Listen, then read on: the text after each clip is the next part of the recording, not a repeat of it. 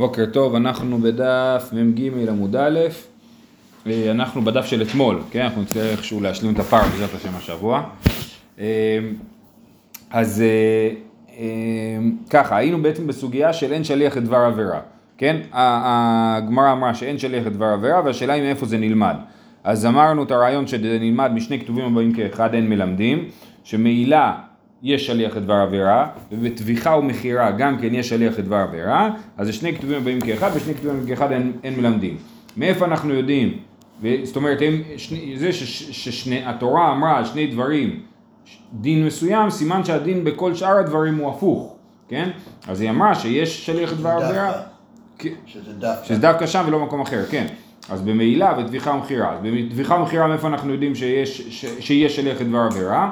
אז רש"י אמר הגמרא אמר, סליחה, אה, מה מכירה על ידי אחר? אף טביחה על ידי אחר. זה היה הלימוד הראשון. כמו שמכירה על ידי אחר, כי תמיד צריך עוד מישהו בשביל המכירה, אז ככה גם שחיטה זה אפילו על ידי אחר, זה נחשב לזה שאני בעצמי שחטתי. כן, מדובר על מי ששחט, שגנב שור ושחט אותו, שהוא צריך לשלם חמישה שברים אה, אה, בתמורה, אז הוא לא צריך לשחוט בעצמו, יכול להיות שמישהו אחר שחט בשבילו. דבי רבי ישמעאל תנא, או לרבות את השליח, כן, טבחו או מחרו, האו בא לרבות שזה נעשה על ידי שליח. דבי חזקיה תנא תחת, כתוב אה, תחת השה, תחת השור ותחת השה, אה, לא זוכר, ארבעה שברים ישלם, ארבעה כבשים ישלם תחת השור, תחת השה, חמישה, חמישה ישלם תחת השור, זה אה, לרבות את השליח. למה צריך פסוקים אם יש סברה? ודברי התלמיד? לא, אבל שנייה, רגע, זה כי הסברה, כי היה לנו קושייה ממעילה, אמרנו רגע, בקוש... אז זו שאלה טובה, אפשר להגיד שהדין של מעילה מפיל את הסברה, אתה אומר רגע, במעילה אני אומר שיש עליך דבר עבירה, אז מה עם הסברה שדברי התלמיד דברי משומעים? סימן שזו לא סברה טובה, אז אומרים לא, מעילה זה יוצא דופן, הסברה היא נכונה אבל יש לי יוצא דופן. אה, אומרת הגמרא, הניחא למאן דאמר שני כתובים הבאים כאחד אין מלמדים אלא למאן דאמר מלמדין מאיכא למימר, כן, מי שאומר ששני כתובים במכחד כן יכולים ללמד, אז הנה אדרבה, יש לי פה שני כתובים, יכולים ללמד אותי שיש אליך דבר עבירה בכל הדברים. אומרת הגמרא, גלי רחמנה בשחוטי חוץ, דם יחשב לאיש ההוא דם שפך, הוא ולא שלוחו. אז יש אדם ששוחט את הקורבן שהוא הקדיש בחוץ. במקום להקדיש, לשחוט אותו בתוך בית המקדש בשביל להעלות אותו לקורבן, הוא שוחט אותו בחוץ, אז הוא אה, חייב על זה. דם יחשב לאיש ההוא דם שפך, מה זה האיש ההוא? הוא ולא שלוחו. אז יש לנו דרשה שמלמדת אותנו שאין שליח לדבר עבירה בשחוטי חוץ. אשכחן לגבי שחוטי חוץ בכל התורה מנהלן, דיאליף משחוטי חוץ. כן, אז לומדים בכל התורה שאין שליח לדבר עבירה משחוטי חוץ, אבל רגע. בנייניו כזה? כן. עכשיו, יש לנו שני כתובים באים כאחד, ואנחנו עכשיו לפי השיטה של שני כתובים באים כאחד כן מלמדים. אז יש לנו מצד אחד מעילה וטביחה ומכירה שמלמדים אותנו שיש שליח לדבר עבירה. מצד שני, יש לנו שחוטי חוץ שמלמדים אותנו שאין שליח לדבר עבירה. אז מה, איך, איך נחליט איך ללמוד? אה, אה, הבריאות אומר, עדי א' משחוטי חוץ נלף מהנח, תשובה, הדר כתב רחמנה ונכרת האיש ההוא, כן? עוד פעם הגמרא, דם חשב לאיש ההוא דם שפך, ואחרי זה כתוב ונכרת האיש ההוא, זה בא לרב, ל, ל, להגיד לי, אם אינו עניין לגופו, תנאו עניין לכל התורה כולה.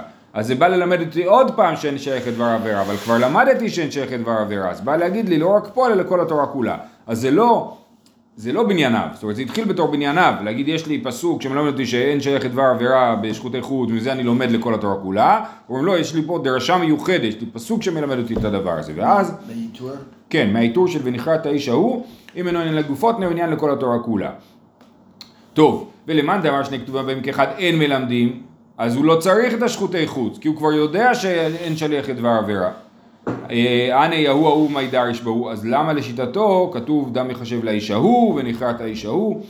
אחד למיעוטי שניים שאוחזים בסכין ושוחטין, ואחד הוא ולא אנוס, הוא ולא שוגג, הוא ולא מוטעה, כן? אז דרשה, פעם אחת כתוב ההוא מיותר בשביל להגיד דווקא, כן, של אתמול. לא נורא, תעשה חזרה. אז הוא אומר, אה, אה, שניים ששוחטים ביחד, כן? אז זה אה, בא ללמד אותנו ששניים ששוחטים ביחד פטורים על זה, דווקא אם אחד שוחט לבד את הכבש שלו, אז הוא חייב על זה, בשחוטי חוץ. זה הראשון, והשני זה הוא ולא אנוס, הוא ולא שוגג, הוא ולא מוטעה. דווקא כשהוא עושה את זה במזיד, אז הוא חייב כרת על אה, שחוטי חוץ.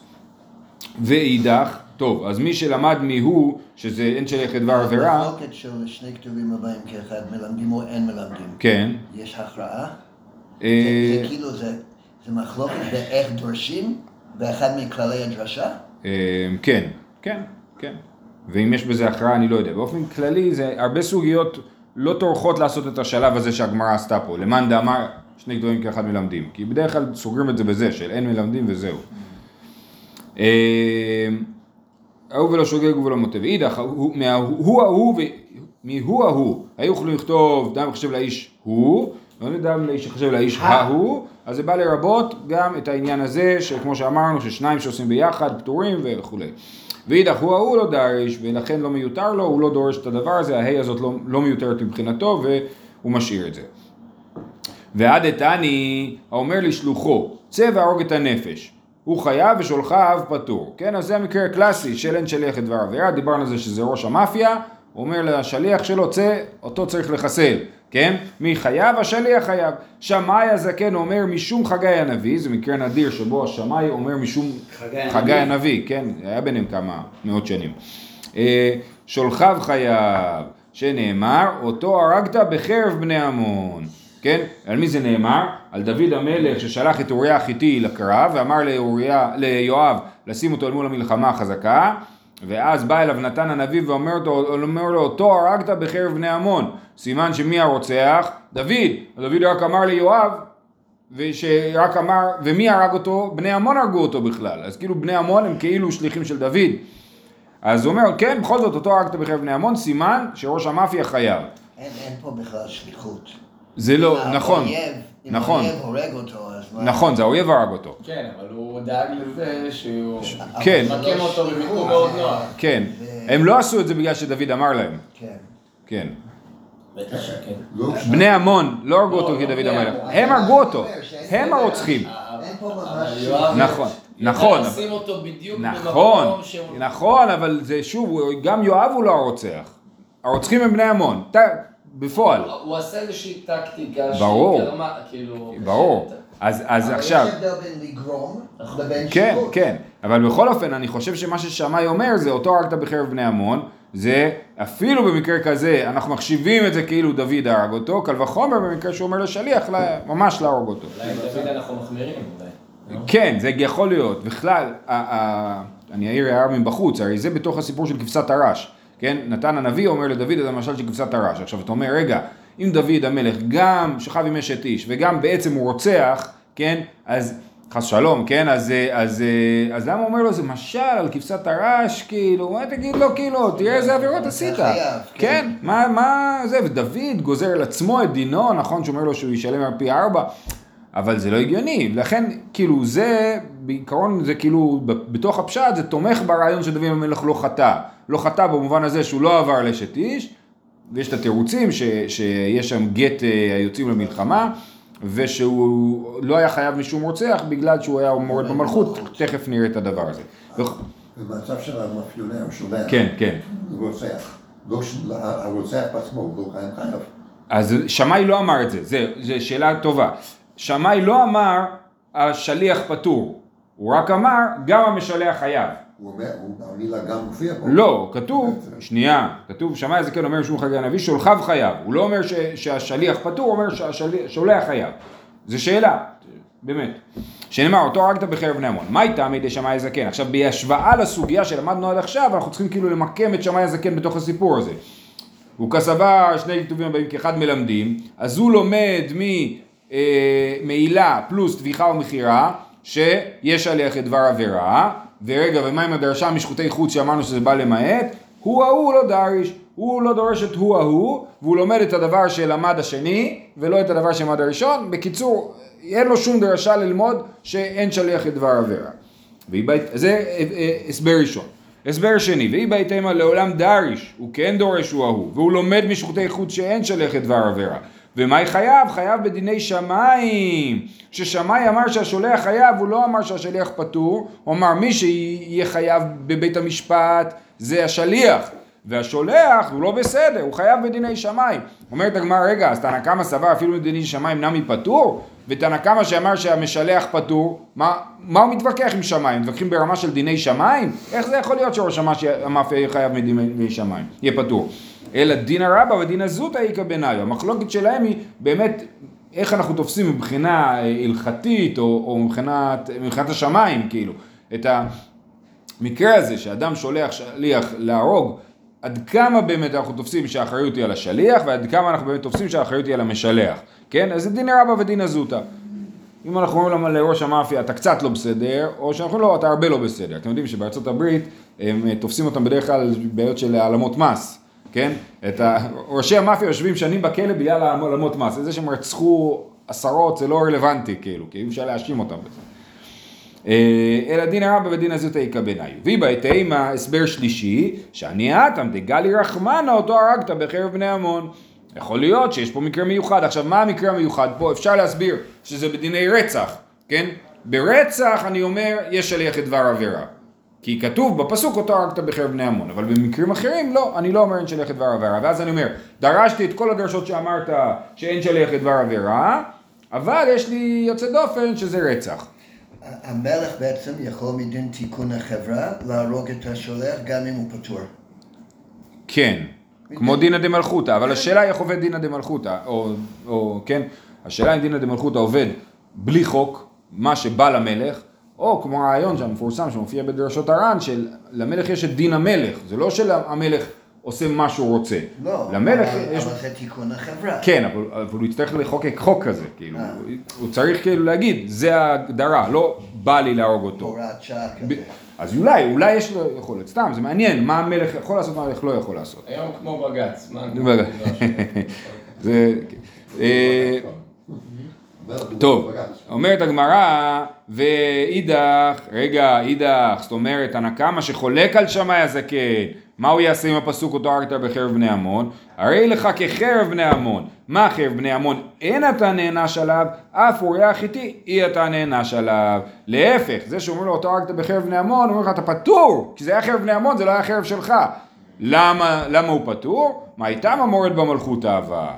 למה? למה הוא היה נחשב למורד במלכות, אורח איתי? דקאמר לי, ואדוני יואב וכל עבדי אדוני על פני השדה חונים. אז יש פה מחלוקת למה הוא מורד במלכות, לפי רש"י הוא מורד במלכות, כי אומר לו ואדוני יואב, זה חוצפה, הוא היה צריך להגיד לו, הוא לא יכול להגיד אדוני יואב כשהוא מדבר עם המלך, כן? אולי הוא היה יכול להגיד לו, כמו שאחרי יוסף אומרים ליוסף, עבדך אבי, כן? עבדך אדוני יואב, הוא יכול להגיד לו, שיהיה ברור ההיררכיה, ששר הביטחון מתחת לראש הממשלה, כן? אז... אז אתה יכול להגיד אדוני בעצם על אה, מישהו שהוא לא המלך. בדיוק. או שהוא הוא יכול, אבל הוא היה צריך... ל... לא למלך. הוא היה יכול להגיד למלך, עבדך אדוני יואב. ואז היה ברור שאדוני יואב, אבל הוא מתחתיך. זה הסבר של אה, רש"י. תוספות אומרים שזה בגלל שהוא לא הסכים ללכת הביתה. דוד המלך אמר לו, לך, לך הביתה, והוא אמר, אדוני יואב חונה על פני השדה, זה הפסוק, נכון? וכל עבדי אדוני חונים על פני השדה, ואני אלך הביתה לאכול ולשתות, אלא אני לא הולך הביתה. זה היה... רצה שהוא יהיה איתה ו... כן, כן, שאי אפשר יהיה להאשים את דוד ב- בזה שהיא בהיריון. אמר, זהו, אז זה אה, שתי שיטות למה הוא מורד במלכות. זה יותר חמור מבחינת דוד. אה. כאילו, כן. כן, כן, נכון.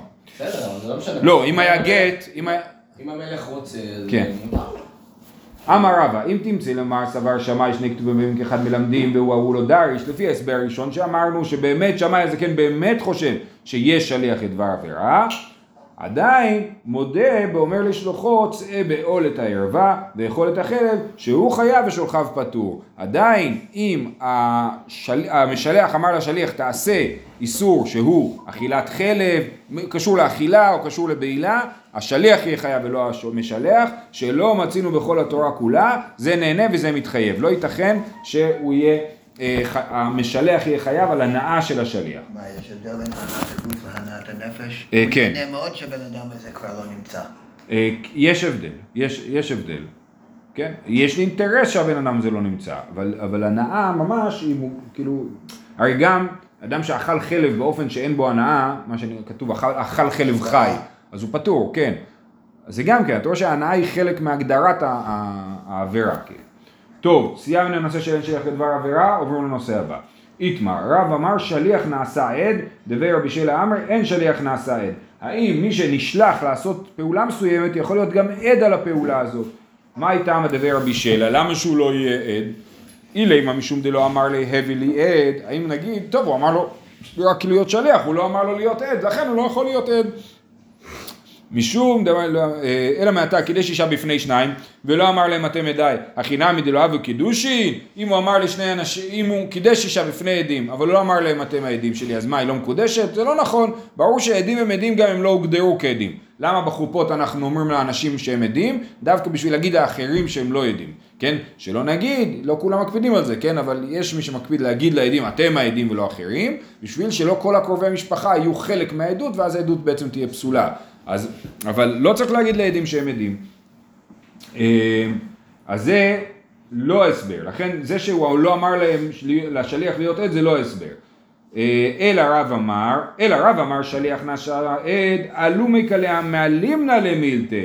העד שהוא שליח הוא יותר טוב, כי הוא יודע מה הוא עשה ומה הוא בדיוק קרה שם, נכון? אני קידשתי את האישה בשביל פלוני, אני יכול להעיד על זה, כי אני עשיתי את זה בעצמי, יותר טוב, כן? דבי רבי שלה אמר אין שליח נשא עד, כיוון דאמר מר שלוחו של אדם כמותו, הווה לי כגופי. הרי אמרנו שלוחו של אדם כמותו, אז השליח הוא המשלח, כן? איך אני יכול להעיד על זה שאני קידשתי אישה? אני לא יכול להעיד על זה, אני צריך עדים, כן? אז הוא כאילו הוא לוקח את הרעיון של שלוחו של אדם כמותו עד הסוף. הוא אומר, הוא לא יכול להיות עד כבר. אבל זה לא הגיוני. למה? מה, הוא לא הגוף של המשלח. כן, אבל, הוא, אבל, אבל, אבל את הפעולה הזאת הוא עושה על תקן המשלח. אז הוא לא יכול... ולכן הוא לא אז הוא לא, המשלח. אבל הוא צריך להיות בביצול אישיות כאילו, הוא צריך להיות אני מצד אחד המשלח, מצד אני, אחד אני אדם זר כאילו. הוא עושה את הפעולה... הוא לא יכול להיות כאילו, המשלח, הפעולה הזאת זה. כובעים כאילו. זה הטענה של רבי. בפעולה, כן. לא. לא חייבים לקבל את זה, אבל זאת הטענה של רבי שלה. אה, מי טבעי, אמר, מי טבעי, אמר לשלושה, צאו וקדשו לי האישה, אחד שליח ושניים עדים, דברי בית שמאי. בית הלל אומר, כולם שלוחין הן, ואין שליח נעשה עד. יש פה ברייתא, שאדם אמר לשלושה אנשים, לך תקדש אישה. אז בית שמאי אומרים, הוא, אחד יהיה השליח ושניים יהיו העדים. הבית הלל אומרים, לא, זה אי אפשרי, שלושתם שליחים ולא יכולים להיות עדים. אז הוכחה שאין שליח נעשה עד, חד משמעית, נכון? אומרת הגמרא עד כאן לא פליגי אלא בשלושה אבל בשניים דברי הכל לא הרי גם בית שמאי מסכימים שהוא אמר לשני אנשים להיות שליחים לקדש אישה הם לא הופכים להיות עדים וברור שאז חד משמעי אין שליח נעשה. עד תשובה הוא דאמר רב שחושב שעד נעשה שליח אומר נכון באמת הברייתא הזאת קשה עליי אבל אני גורס אחרת את המחלוקת כי הייתנא דתניא רבי נתן אומר, בית שמאי אומר שליח ועד אחד, ובית הלל אומר שליח ושני עדים. המחלוקת לפי רבי נתן היא שלפי בית שמאי מספיק שניים. אחד השליח ואחד עד, ביחד הם מעידים. כן? אז, אז השליח נעשה עד, ולפי בית הלל צריך שליח ושני עדים. שואלת הגמרא עדיין, ורב כבית שמאי, אז מה נגיד שרב פסק כמו בית שמאי? היפוך. נהפוך את זה ונגיד שרב, פס... ש... שרב גרס הפוך. שבית שמאי אומרים שצריך שני, שליח ושני עדים, ובית הלל אומרים מספיק שליח ועד אחד. ואז לפי הגרסה הזאת זה ממש מתהפך לחלוטין. מבית הלל שאמרו שלושה אנשים זה לא טוב, זה, לפי רבי נתן שני אנשים זה מספיק טוב, כן? אה, אז זה, רב אומר הנה, בית הלל חושבים ששליח נעשה עד על פי גרסת רבי נתן וככה אני גורס. אומרת הגמרא ורב אחא ברי דרבא מתני איפכא, רב אמר אין שליח נשא עד ורבי שלה אמר שליח נשא עד. יש כאלה שגרסו אחרת מבחינת האמוראים, שרב אמר ששליח לא נשא עד ורבי שלה אמר שליח נשא עד והלכתה שליח נשא עד. זאת המסקנה, שליח נשא עד, סגרנו את זה מהר את הסיפור, כן, לא הסתבכנו יותר מדי. זה כמו. בית הלל. זה כמו בית הלל לפי. הגרסה של רבי נתן אחרי שהפכנו, כן. אה, אמר רב אמר רב נחמן, אמר לי שניים צאו וקדשו לי את האישה, הן הן שלוחיו, הן הן עדיו, כן? אז זאת אה, אה, השיטה של, כמו, כמו שפסקים להלכה, נכון? ששליח נעשה עד, אומרים הן הן שלוחיו, הן הן עדיו, למרות שהם שליחים הם גם עדים. וכן בגירושין, וכן בדיני ממונות, גם אם הוא אומר לשניים צאו וגרשו את האישה, אז הם שליחים וגם עדים. ואם בדיני ממונות הוא לא- נותן לשני אנשים חוב, כסף כאילו, הוא אומר תחזירו את זה למלווה, את החוב, אז הם השליחים והם העדים. אם יבואו ויגידו רגע מי אמר שפרעת את החוב, הם יעידו שהם פרעו את החוב, למרות שהם היו השליחים הם יכולים להעיד על זה. וצריכה, למה צריך להשמיע לנו את שלושתם? מספיק שאני יודע פעם אחת ששליח נעשה עד. דאי אשמועינן בקידושין, משום דלמייסר קאתי, למה הם נאמנים על הקידושין? כי אין להם שום אינטרס פה, מה הם יעשו? הם יגרמו לאישה להיות אסורה על כל העולם, הם לא מרוויחים מזה בטוח, הם רק מפסידים מזה, כן?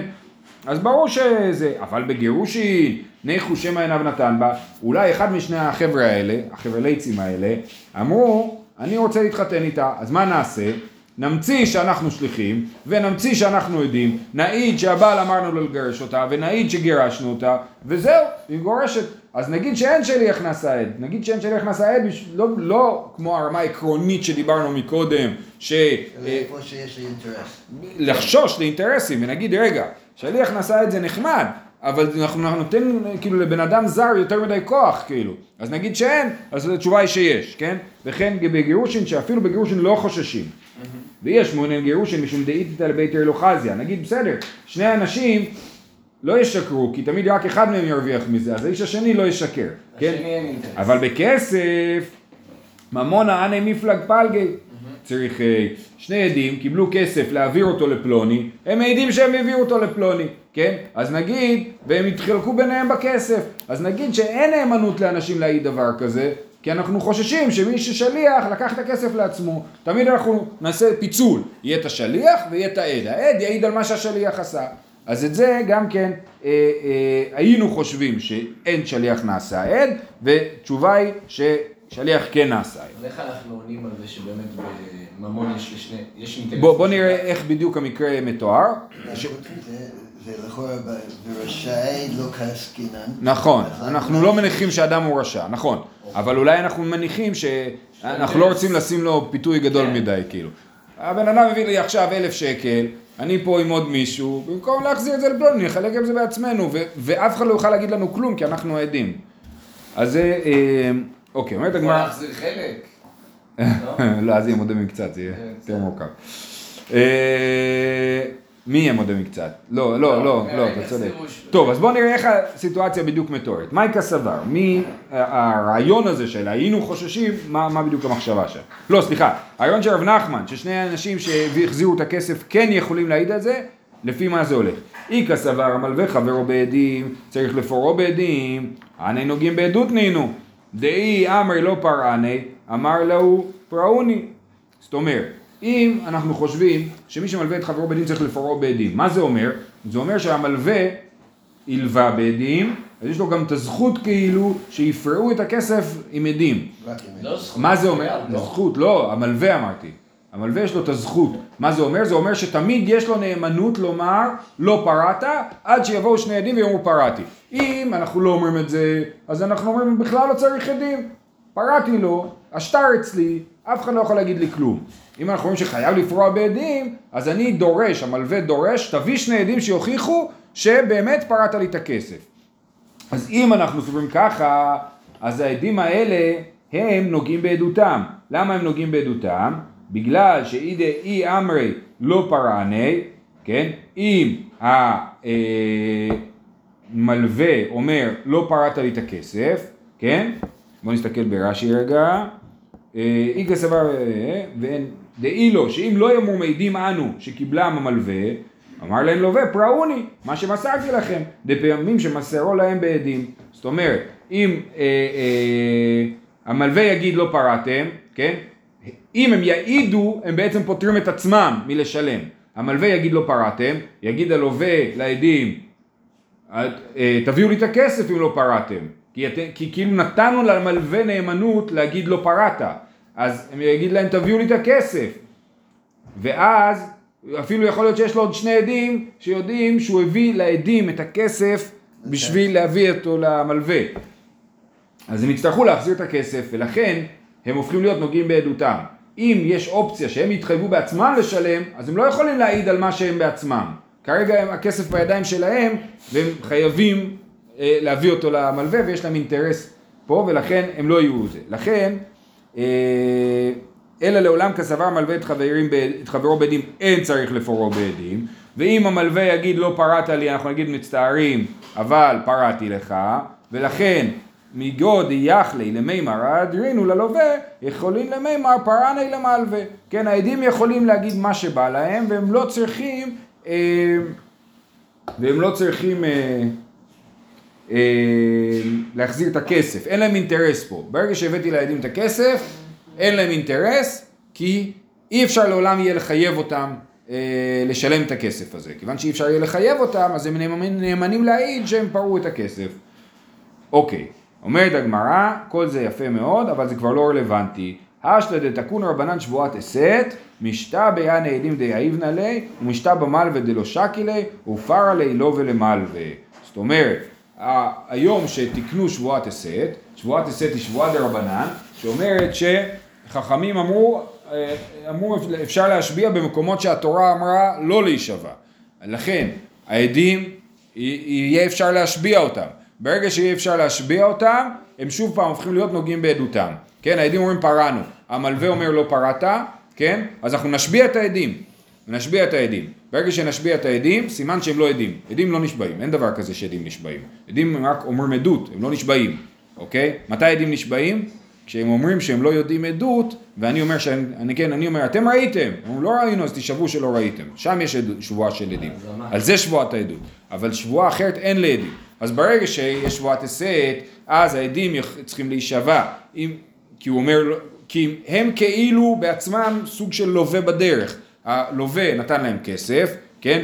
הם אומרים שהם פרעו את זה, המלווה אומר לא פרעתם, אז עכשיו תשבעו שפרעתם, הם נשבעים שהם פרעו, אז המלווה יישבע שהוא לא קיבל, והלווה יצטרך לשלם שוב פעם. בכל אופן הם הופכו להיות אה, גורם בסיפור ולכן הדין של רב נחמן ששליח נעשה את בדיני ממונות היום הוא לא נכון בגלל ההתפתחות שיש שבועת הסת. שבועת הסת באמת נקבעה פחות או יותר בדור של רב נחמן, זו לא שבועה של המשנה, אוקיי?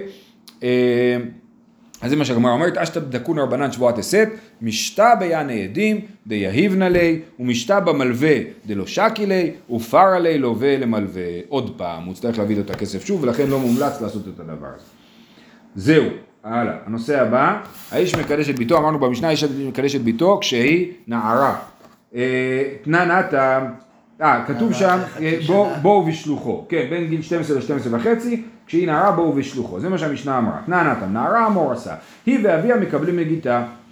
אה, כן, אם הבעל רוצה לגרש את האישה, את הנערה, כשהיא מאורסת, לא שהיא נשואה, כשהיא מאורסת, אז היא יכולה לקבל את הגט, או אבא שלה יכול לקבל את הגט. ראינו כבר את הרעיון הזה במסכת גיטין. אמר רבי יהודה, אין שתי ידיים זוכות כאחד, אלא אביה מקבל את גיתה. לא, אין דבר כזה, אי אפשר שיהיה שתי אפשרויות של גט, צריך שרק מישהו אחד יוכל לקבל את הגט וזה האבא. עכשיו ברגע שהיא מתחתנת, היא מקבלת את הגט. כן, אנחנו מדברים פה דווקא על נערה מורסה. אם היא לא נערה מורסה, אלא נערה נשואה, אפילו קטנה נשואה, היא מקבלת את הגט ולא אבא. כי עוד לא יצא כי- מרשות שלו? כי מורסה היא עוד לא יצאה מרשותו, ברגע שהיא נשואה היא יצאה מרשותו. וכל שאינה יכול לשמור על גיטה אינה יכולה להתגרש. כל ילדה שהיא קטנה מדי בשביל להבין מה זה גט, ובעלה נותן לה גט והיא אומרת, והיא לא מבינה שעכשיו היא צריכה לצאת מהבית שלו, אז זה לא גט, כן? כי צריך שהיא. תבין שהיא מקבלת את ה... גם בנשואה, כן. לא, גם בנשואה היא לא יכולה לקבל את הגט? קטנה? כן, כן, כן. אה, נשואה קטנה יכולה לקבל את הגט אם היא מבינה מה המשמעות שלו. אם היא לא מבינה, אז זה, נגיד גיל 11, היא מבינה, כאילו, אומרים לה אל תחזרי לפה, אז היא לא חוזרת. כן. אבל אי אפשר לחתן קטנה. אפשר, אמרנו שזה לא מומלץ. אמרנו שראינו שאמר רבי יהודה מרב לא לחתן, לא לעשות את זה, אבל אפשר לעשות את זה, זה עובד. אה. לא צריך את דעתה, היא קטנה, אבא שלה מחליט. מדרבנ... אמרו חכמים לא לעשות את זה כדי ש... שצריך. בדיוק, כן. אמר שלקיש כמחלוקת לגירושין, כך מחלוקת לקידושין. אותה מחלוקת של האם גם הנערה וגם אביה יכולים לקבל את הקידושין, זה אותה מחלוקת גם בגט וגם בקידושין. רבי יוחנן אמר מחלוקת לגירושין, אבל לקידושין דיבר הכל אביה ולא היא. בקידושין כולם מסכימים שרק האבא יכול לקבל את הקידושין ולא הנערה. למה?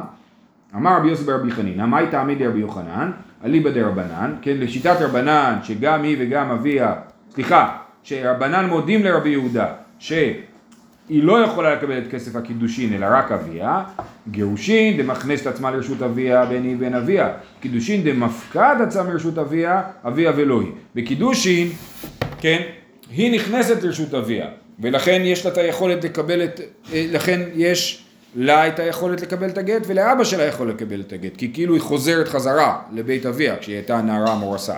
אבל בקידושין אנחנו אומרים, עכשיו היא יוצאת מרשות אביה, אז אבא שלה צריך להסכים לזה, כרגע היא אצל אבא שלה, אבא שלה צריך להסכים לדבר הזה, ולכן בקידושין רק האבא יכול לקבל את הקידושין.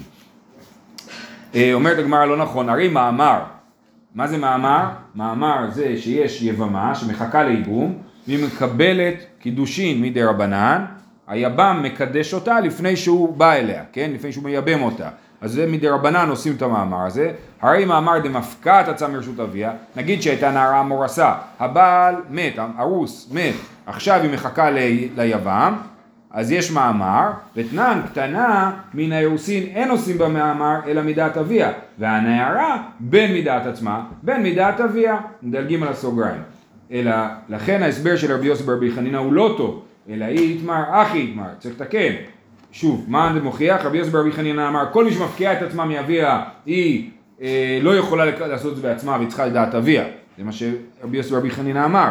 אז אומרים לא, זה לא ההסבר, כי עובדה במאמר היא יוצאת מרשות אביה והיא בכל זאת, אה, ובכל זאת היא אה, לא צריכה את דעת אביה, כתוב פה בין מדעת עצמה בין מדעת אביה. אלא היא, תמר אחי יתמר, אמר רבי יוסי ברבי חנינא, מה איתה מידי רבי יוחנן, אליבא דרבנן, שאומר שרק אבא שלה יכול לקבל את כסף קידושיה, קידושין דמדעתה אביה ולא היא, גירושין דבעל כורחה בני בן אביה. כן, גירושין עושים בעל כורחה, בכלל לא אכפת לנו מי מקבל את זה, רק זה יוזמה של הבעל, לא של האבא ולא של הבת. לכן לא אכפת לי מי מקבל את זה, גם האבא וגם הבת. אבל קידושין, שזה מדעתה, אז הא- האבא מחליט עכשיו, כי האבא עדיין היא ברשותו והוא מחליט. אה, והרי מאמר דמדעתה וקטני בני ובן אביה, תשובה עתה במאמר דבעל כוכב ורבי, אנחנו נעצור פה, נמשיך מחר. שיהיה לכולם יום טוב.